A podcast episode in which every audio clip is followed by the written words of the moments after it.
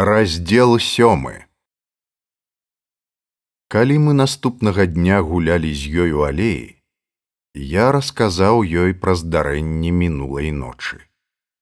Можа мне і не варта было рабіць гэтага не ведаю. Але я ніяк не мог пазбавіцца думкі што тут нешта нячыста з ахмістрыняю. Яна не здзівілася паглядзела на мяне вялікімі рахманамі вачыма і адказала павольна.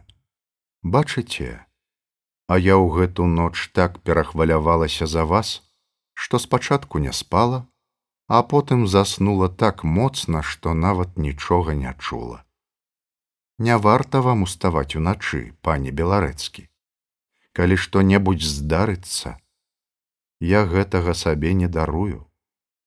А на контах містрыні вы памыляецеся уласна кажучы яна можа хадзіць паўсюль. Я не датрымліваюся старых правіл што ахмістрыня можа прыходзіць на другі паверх толькі тады калі яе клічуць. Тут самае жахлівае не яна а блакітная жанчына. Зноў яна з'явілася. Неадменна здарыцца нешта дрэннае і з суровай мужнасцю дадала. Хутчэй за ўсё гэта будзе смерць. І я маю ўсе падставы думаць што памру я. Мы сядзелі ў старой альтанцы закінутай глыбока ў зарасніках. Камень ад старасці ўвесь аброс мохам які пасля апошніх дажджоў молада зазелянеў пасярэдзіне альтанкі стаяла мармуровая дзеўка з адбітым вухам і па твары яе поўз слімак яноўская паглядзела на яе і сумна усміхнулася вось так і мы. Брыдота запусцення наша жыццё. Вы казалі што не зусім верыце ў тое што гэта зданне я з вами не згаджаюся але хоць бы і так што мяняецца? Ці не ўсё адно ад каго пакутаваць калі пакутаваць трэба? Трэба скупляць грахі. Вы іх скупілі гэтымі двума гадамі пачаў я але яна не слухала мяне. Людзі грызуцца як павукі ў банцы. Шляхта памірае. Калісьці мы былі моцнымі як камень а зараз мы ведаеце калі раскалоць камень са старога будынка у ім будуць слімакі. Невядома чым яны там жывяцца але варта стукнуць такі камень як ён разваліцца. Так і мы. І няхай стукаюць хутчэй. І не шкада вам гэтай прыгажосці павёў я рукою вакол сябе. Не, толькі б хутчэй. Я наогул даўно гатова знікнуць разам з гэтым гняздом і не шкадавала б ні яго ні сябе. Але з некаторага часу я заўважыла, што мне робіцца трошкі шкада жыцця. Напэўна, яно не такая дрэнная штука, як я думала. Напэўна, у ім ёсць сонца, сябры, пушыстыя дрэвы, смеласць і вернасць. Гэта вельмі добра, што вы так думаеце. Не, гэта вельмі дрэнна. У сто разоў горш паміраць, любячы жыццё, ніж так, як я меркавала памерці раней. Раней жах быў звыклым станам маёй душы. Зараз ён ператвараецца ў штосьці такое, чаму няма наймення, чаго я не жадаю. І ўсё таму, што я пачала трошкі верыць людзям. Не трэба гэтай веры, не трэба надзеі лепей так як раней гэта і спакойна мы помаўчалі яна нахіліла сабе на калені жоўтую напаўабляцелую галінку клёна і гладзіла яе. Людзі не заўсёды хлусяць. Я вельмі ўдзячна вам, пан беларэцкі за гэта. Вы павінны мне прабачыць. Я чула вашу размову са свеціловічам, чыстай добрай душой, адзіным, акрамя вас ды можа яшчэ дзядзькі чалавекам у гэтай акрузе. Дякую за тое, што не паўсюль на зямлі людзі з плоскімі галовамі, тоўстым чэрапам і чыгуннымі мазгамі. Дарэчы, пра дубатоўка, як вы лічыце, ці не павінен я адкрыцца яму, каб разам узяцца за выкрыццё гэтай поскудзі. Веі яе ўздрыганули. Не трэба гэты чалавек трыста разоў даказваў сваю адданасць і вернасць нашаму дому. Ён добры чалавек. Ён не даў гарабурдзе падаць да сыскання наш вэксаль яшчэ пры бацьку і зрабіў гэта не зусім дазволеным шляхам. Вызваў яго на дуэль і сказаў, што ўсе сваякі яго будуць вызываць гарабурду да таго часу, пакуль справа не скончыцца для яго дрэнна але менавіта таму я і не жадаю, каб ён умешваўся. Ён занадта гарачы, дядзечка. Вочы яе, прамяністыя і ціхія, заблішчалі раптам. Пан беларэцкі, я даўно жадала сказаць вам нешта. Пасля ўчарашняй нашай размовы, калі вы кляліся, я зразумела, што чакаць нельга. Вы павінны пакінуць балотныя яліны, пакінуць сёння, самае позняе заўтра і ехаць у горад. Хопіць. Адспявалі скрыпкі. У свае правы уступае смерць. Вам няма чаго рабіць тут, едьце. Пакіньце гэты забруджаны стагоддзямі дом, гнілых людзей, іхнія злачынствы таму, што да іх пасуе. Ночы дажджы. Вы занадта жывы для гэтага. І вы чужы. Надзея романаўна залямантаваў я. Што вы кажаце? Мяне ўжо называлі тут чужынцам. Ці мог я чакаць каб з вашых вуснаў даляцела да мяне тое самае жорсткае слово чым я заслужыў яго! Нічым сухо адказала яна. Але позна. Усё на свеце позна прыходзіць. Вы занадта жывы. Ідзіце да свайго народа да тых хто жыве галадае і смяецца ідзіце перамагаць а мёртвым пакіньце магілы. Я раззлаваўся да непрытомнасці, А вы не мой народ, А гэтыя людзі, запалоханыя і галодныя, гэта не мой народ. А свеціловіч, якому я павінен буду здрадзіць, гэта не мой народ, А гэтыя праклятыя Богам балоты, дзе чыніцца мярзота, гэта не моя зямля. А дзеці, якія плачуць уначы, пачуўшы пошчак капыт дзікага палявання, якія дрыжаць ад жаху ўсё жыццё, гэта не дзеці маіх братоў.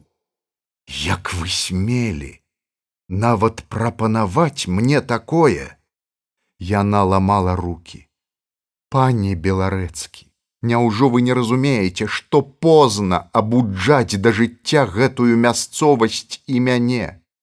Мы стаміліся спадзявацца. Не абуджайце нашай надзеі. Позна. Позна. Няўжо вы не разумееце што вы адзін? Што вы нічога не зробіце? Што пагібель ваша? Гэта будзе жахліва гэта будзе непапраўна я не дарую сабе гэтага О, каб вы ведалі, якія гэта жахлівыя здані, якія ненажэрныя да чужой крыві. Надея Романовна, сказаў я холодна, ваш дом моцная крэпасць. Але калі вы гоніце мяне, я пайду менш надзейную, але не пакіну гэтай мясцовасці. Зараз трэба або памерці, або перамагчы. Памерці, калі гэта здані, перамагчы, калі гэта людзі. Я не паеду адсюль, не паеду ні завошта на свеце. Калі я перашкаджаю вам іншая справа але калі ваша просьба выклікана толькі тым, што вы баіцёся за мяне, не хочаце рызыкаваць маёй скурай, я застаюся. Урэшце гэта моя скура, і я маю поўнае права карыстацца ёй, як сам захачу. Разумееце. Яна паглядзела на мяне разгублена са слязьмі на вачах як вы маглі нават падумаць, што я не хачу бачыць вас у гэтым доме. Як вы маглі падумаць, вы мужны чалавек. Мне спакойна з вами. Мне нарэшце добра з вами, нават калі вы такі грубы, як зараз былі. Шляхціц так не сказаў бы. Яны такія гжэчныя, вытанчаныя, так хаваюць свае думкі. Мне так апрыкрала гэта. Я хачу бачыць вас у гэтым доме. Я толькі не хачу бачыць вас такім, як учора, або або забітым падхапіў я. Не хвалюйцеся. Больш вы мяне такім не пабачыце. Зброя са мною. І зараз не я ад іх, а яны ад мяне будуць бегаць. Калі хоць кропля крыві ёсць у іхніх бясплотных жылах. Яна ўстала і пайшла з альтанкі. Ля самага ўвахода пастаяла хвіліну спіной да мяне, павярнулася і, гледзячы ўніз, сказала: « Я не хацела, каб вы рызыкавалі жыццём. Вельмі не хацела але пасля вашага адказу я думаю пра вас у сто разоў лепш. Толькі вельмі сцеражыцеся беларэцкі. Не забывайце нідзе зброі. Я вельмі рада, што вы не паслухаліся мяне. Не вырашылі ехаць. І я згодна з вамі, што людзям трэба дапамагчы моя небяспека глупства, але іншыя людзі усё. Яны можа тут больш вартыя шчасця чым тыя на сонечных раўнінах бо яны больш пакутавалі ў чаканні яго. І я згодна з вами ім трэба дапамагчы. Яна пайшла а я яшчэ доўга сядзеў і думаў пра яе. Я быў уражаны, сустрэўшы ў гэтым балоце такую высакароднасць і прыгажосць душы. Вы ведаеце, як падвышае і ўзмацняе чалавека веданне таго, што на яго нехта пакладаецца як на каменны мур. Але я, відаць, дрэнна ведаў сябе бо наступная ноч належыць да самых жахлівых і непрыемных успамінаў майго жыцця. Год дзесяць пасля я, прыпамятаўшы яе, мыкаў і стагнаў ад ганьбы, і жонка пыталася ў мяне, што са мною здарылася. І я ніколі аж па сённяшні дзень не распавядаў пра гэтую ноч, і мае думкі нікому. Можа, і вам не распавёў бы, Але мне ў галаву прыйшла думка, што не так важлівыя ганебныя думкі, як тое, ці здолеў чалавек іх перамагчы, ці не прыходзілі яны да яго пасля. І я вырашыў расказаць вам гэта для навукі. Перад вечарам да мяне прыйшоў свеціловіч. У гаспадыні балела галава, і яна яшчэ да яго з'яўлення зачынілася ў пакоі. Мы размаўлялі перад камінам удвух, і я расказаў яму пра здарэнні мінулага вечара. Выраз непаразумення адбіўся на яго твары, і я спытаў, што яго так здзіўляе. Нічога адказаў мне ён. Ахмістрыня гэта глупства. Магчыма, яна проста крадзе ў гаспадыні з яе мізэрных набыткаў, Магчыма яшчэ што. Я даўно ведаю гэту бабу, даволі скупаватая і дурная як бот. У яе мазгі заплылі тлушчам, і на злачынства яна няздатная, хоць пасачыць за ёй здаецца нядрэнна. Блакітная жанчына таксама лухта. У наступны раз, калі пабачыце яе, стрэльніце ў той бок. Я не баюся зданяў жанчын. А вось вы лепей адгадайце, чаму я так здзівіўся, пачуўшы пра ўчарашняе дзікае паляванне не ведаю ну а скажите ці не было у вас ніякіх падазрэнняў наконт вароны скажем так варона сватаецца да яноўскай атрымлівае гарбуза і пасля каб адпомсціць пачынае выкідваць жарцікі з дзікім паляваннем. Вы не чулі пра сватанне? Так так яшчэ два гады таму пры жыцці рамана Ён прапанаваў гэтаму тады яшчэ дзіцёнку руку і сэрца. Таму і на вас злуецца, таму і сваркі шукаў, А калі не атрымалася, вырашыў прыбраць вас з дарогі. Я толькі думаў, што гэта будзе трохі пасля. Я задумаўся. Прызнаюся вам, такія думкі ў мяне былі. Магчыма, Я нават даў бы ім волю, каб не ведаў, што варона ляжыць паранены. То якраз глупства. Адразу амаль пасля вашага адыходу ён з'явіўся да стала, зялёны і змрочны, але амаль цвярозы. Кровапусканне дапамагло. Ён быў закручаны бінтам, як качан капусты, адзін нос і вочы глядзелі дубатоўк яму што хлопча сорамна напіўся як свіння мяне на дуэль выклікаў а нарваўся на чалавека які табе даў чосу? Варона паспрабаваў усміхнуцца але ад слабасці хіснуўся. Сам бачу дядька што я дурань. І беларэцкі так мяне правучыў што я больш ніколі лезці да людзей не буду. Дубатоўк толькі галавою пахітаў. Вось што гарэлачка моц Божая з ёлупамі робіць. А варона яму, я думаю, трэба ў яго прабачэння попрасіць, нязручна. Усё адно, як паклікалі ў госці і спрабавалі высцебаць.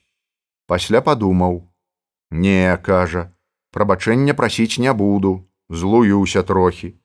І ўрэшце ён задавальненне атрымаў. І я вам скажу яшчэ. Ён сядзеў з намі, а мы пілі да самага світання. Дубатоўк да таго напіўся, што пачаў уяўляць сябе хрысціянскім пакутнікам пры нероне і ўсё намагаўся пакласці руки ў блюда са жонкай.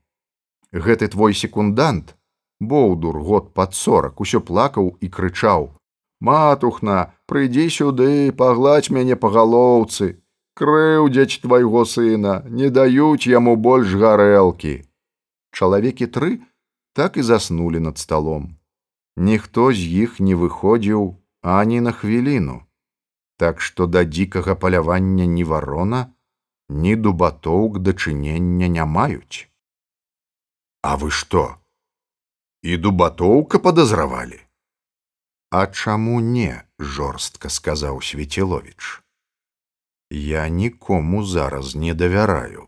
Справа ідзе пра надзею раманаўну. Што ж я дубатоўка буду адсюль з падазроных выключаць. з якой прычыны? Што добры ён? Уга як чалавек прыкінуцца можа. Я і сам учора нават не падыходзіў да вас падчас дуэлі каб не падазравалі калі яны злачынцы. І зараз не буду падыходзіць не трэба. Я і вас падазраваў. Раптам ды пасля схамянуўся. Вядомы этнограф ідзе ў бандыты а так і дубатоўк мог ягняткам прыкінуцца. А галоўнае не спадабаўся мне ягоны гэны падарунак. Партрэт рамана старога. Як быццам назнарок каб дзяўчыну з каляі выбіць. А што схамянуўся я сапраўды падазрона. Яна зараз нават ля каміна сядзець баіцца. То-то ж бо прыгнечана сказаў свецілович значыцца не ён кароль стах падарунак гэты якраз на яго карысць кажа. І ўчарашняя падзея слухайте сказаў я а чаму б не дапусціць што кароль стах гэта вы вы ж пайшлі учора пазней мяне. Вы да мяне без усякай падставы раўнуеце. Вы можа мне проста вочы замыльваеце а на самай справе ледзь толькі я выйшаў як вы на коні хлопцы! Я ні на хвіліну не думаў так але мне не спадабалася што даверлівы шчыры хлопец сёння трымае сябе як недаверлівы дзед Свеціловіч глядзеў на мяне як ачмурэлы, лыпнуў разы са два вачыма і раптам зарагатаў, адразу ператварыўшыся зноў у добрага чыстага юнака. То-то ж бо, адказаў я ягоным тонам, не плявузгайце на такіх старых, як дубатоўк дарэмна. Абразіць чалавека нядоўга, Ды я і не думаю зараз на яго, усё яшчэ рагочучы адказаў ён. Я ж вам казаў, яны былі са мною. Калі пачало днець, вароне зрабілася вельмі дрэнна, пайшла зноў кроў, пачаў трызніць.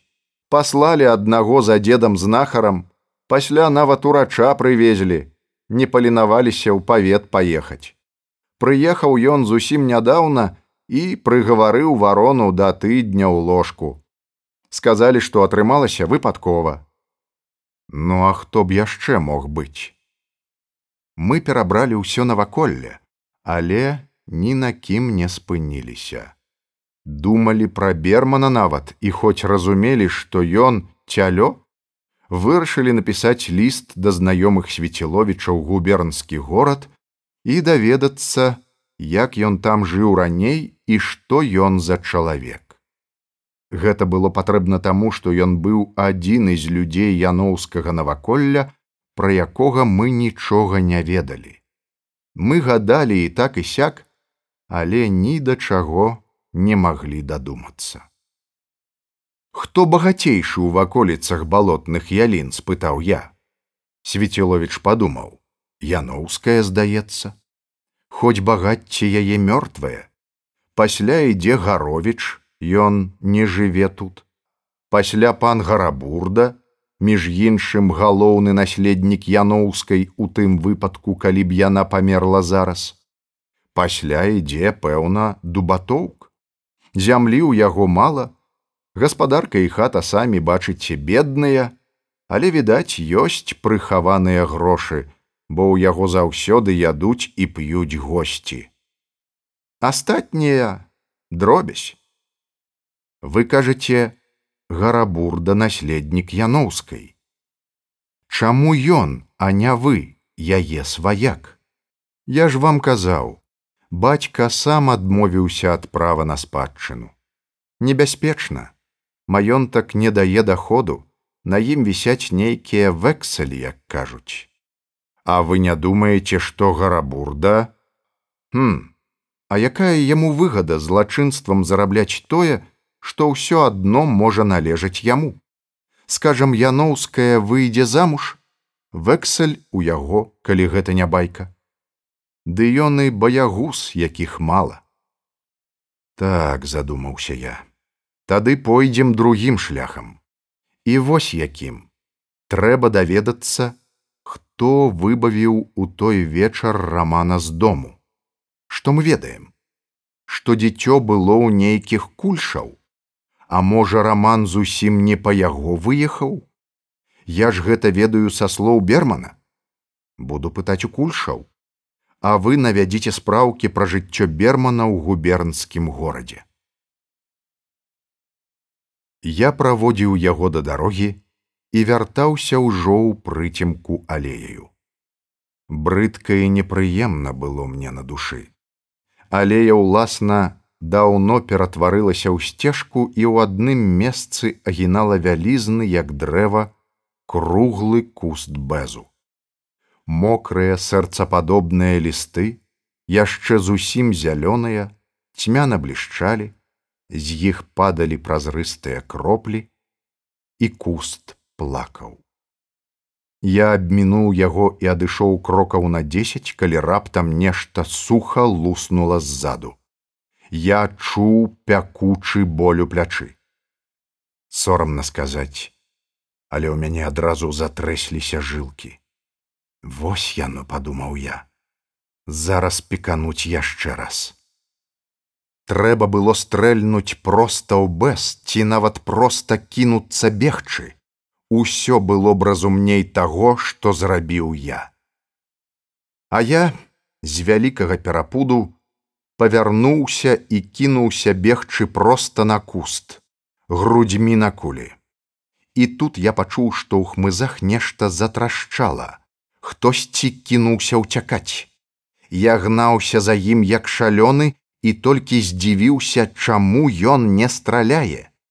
А ён, відаць, дзейнічаў таксама інстынктыўна, уцякаў ва ўсе лапаткі і так хутка, што храбусценне сціхнула, а я так і не пабачыў яго. Тады я павярнуўся і пайшоў дадому. Я ішоў і амаль роў ад крыўды. У пакоі я гледзеў рану, глупства драпіна верхняга плечавога мускула. Але за што? За што? З песні слова не выкінеш. Напэўна, пасля ўзрушэння апошніх дзён выявіўся ў мяне агульны заняпад нерваў. Але я гадзіны дзве літаральна курчыўся ад жаху на сваім ложку. Ніколі б я не падумаў, што чалавек можа быць такім мізэрным смаўжом. Я ледзь не плакаў. Прыпомнілася папярэджанне, крокі ў калідоры, жахлівы твар у акне. Блакітная жанчына, бег па верасовых пустках, гэты стрэл у спіну. Заб'юць неадменна заб'юць. Мне здавалася, што цемра глядзіць на мяне нябачнымі вачыма нейкай пачвары, што вось нехта падкрадзецца зараз і схопіць. Сорамна сказаць, але я накінуў коўдру на галаву, каб не схапілі з боку падушкі, як быццам коўдра магла абараніць. І мімаволі невядома адкуль з'явілася подленькая думка. Трэба ўцякаць. Ім лёгка на мяне пакладацца. Няхай самі разбіраюцца з гэтымі агідамі і з гэтым паляваннем. Звар'яцею, калі яшчэ тыдзень пабуду тут. Ніякія маральныя крытэрыі не дапамагалі. Я калаціўся як асінавы ліст а калі заснуў, то быў такім выснажаным, быццам век вазіў каменні. Напэўна, калі б прагучалі крокі малога чалавека, я б залез у той вечар пад ложак, але таго, на шчасце, не было. Ранак надаў мне мужнасці. Я быў на дзіва спакойны. Я вырашыў у той дзень пайсці да бермана тым больш што гаспадыня яшчэ хварэла за домам стаялі вялізныя вышэй чалавека ужо засыхаючыя лопухі Праз іх я дабраўся да ганка і пастукаў у дзверы. Мне не адказалі, я пацягнуў дзверы на сябе, і яны адчыніліся. Невялічкі перадпакой быў пусты, вісела толькі паліто бермана. І я кашлянуў. Нешта зашарудзела ў пакоі. Я пастукаў, Голас Бермана сказаў перарывіста: « Хто? Заходзьце. Я ўвайшоў. Берман прыўзняўся з-за стола, тым самым жэсам захінаючы халат на грудях. Твар яго аж збялеў. Дзень добры, пан Берман, сядайце сядайце калі ласка ён замітусіўся так што мне зрабілася нязручна. Чаго прыплёўся да яго? Чалавек любіць самоту бач ты як спалохаўся а берман ужо адышоў сядайце сядайце шматпаважаны сядайце шаноўны пан я паглядзеў на крэсла і пабачыў на ім талерку з нейкай недаедзенай стравай і дэсертную лыжку. Берман хутка схапіў яе. Бачыце, вырашыў задаволіць свой, так бы мовіць, апетыт. Калі ласка ешце, сказаў я. Што вы, што вы? Есці ў прысутнасці гжэчнага пана я не магу, вусны фарфоравай лялькі прыемна крывіліся. Вы не заўважылі вас пан, якое гэта непрыемнае відовішча, калі чалавек харчуецца. О, гэта жахліва. Ён тупа плямкае, чамкае і нагадвае нейкую худобу.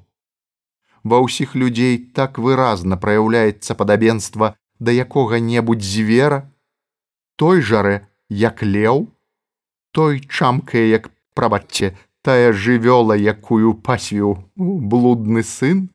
Не, пане дабрадзею, я ніколі не ем на людзях.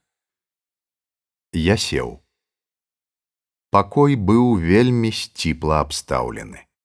Жалезны ложак, які нагадваў гільяціну, стол, два крэслы, яшчэ стол, увесь завалены кнігамі і паперамі. Толькі абрус на стале быў незвычайны, вельмі цяжкі, сіні з золатам. Звісаў ён да самай падлогі. Што, дзівіцеся, о вас пане, Гэта адзінае, што засталося з былых рэчаў. Пані Берман, Я слухаю вас, пане. Ён сеў, схіліўшы лялечную галаву, шырока раскрыўшы шэрыя вялізныя вочы і прыўзняўшы бровы. Я хачу спытаць у вас. Другіх планаў дома няма? Не. Ёсць яшчэ адзін, зроблены год трыццаць таму, але там проста сказана, што ён перамаляваны з таго, што я даў вам і паказаны толькі новыя перагародкі. Вось ён, калі ласка. Я паглядзеў на план. Берман меў рацыю. А скажыце, ці няма якога замаскіраванага памяшкання на другім паверсе, ля пустога пакоя з шафай. Берман задумаўся. Не ведаю вас, пане, не ведаю ваша мосць. Недзе там павінен быць сакрэтны асабісты архіў яноўскіх, але дзе ён? Не ведаю, не ведаю. Пальцы яго так і бегалі па абрусе, выбіваючы нейкі незразумелы марш. Я падняўся, падзякаваў гаспадару і выйшаў. І чаго ён так перапалохаўся, падумалася мне. Пальцы бегаюць, твар белы. У халасцяк чортаў. Людзей пачаў баяцца. І аднак нейкая думка свідравала мой мозг. Чаму? Чаму? Не, нешта тут нячыста. І чамусьці круціцца ў галаве слова руки руки руки прычым тут руки нешта павінна ў гэтым слове хавацца калі яно так лезе з-пад свядомасці. Я выходзіў ад яго з цвёрдай думкаю што тут трэба трымацца пільнасці. Не падабаўся мне гэты лялечны чалавечак і асабліва пальцы. Пальцы у два разы даўжэйшыя за нармальныя, якія выгіналіся на стале, як змеі.